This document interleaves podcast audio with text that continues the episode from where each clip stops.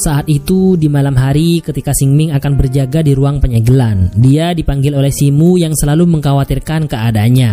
Dia menyuruh Sing Ming untuk berhati-hati sewaktu-waktu iblis yang liu akan merasukinya. Oleh karena itu, dia disuruh membaca mantra pelindung. Bahkan Simu menyuruh Sing Ming agar membalikkan mantranya jika suatu saat dia lepas kendali dan akan dirasuki oleh iblis yang liu. Meski itu akan menghancurkannya, tapi itu lebih baik daripada harus menghancurkan orang-orang di sekitarnya. Nah, saat itu juga jadwal Sing Ming yang sekarang berjaga di ruang penyegelan akan diganti oleh Simu.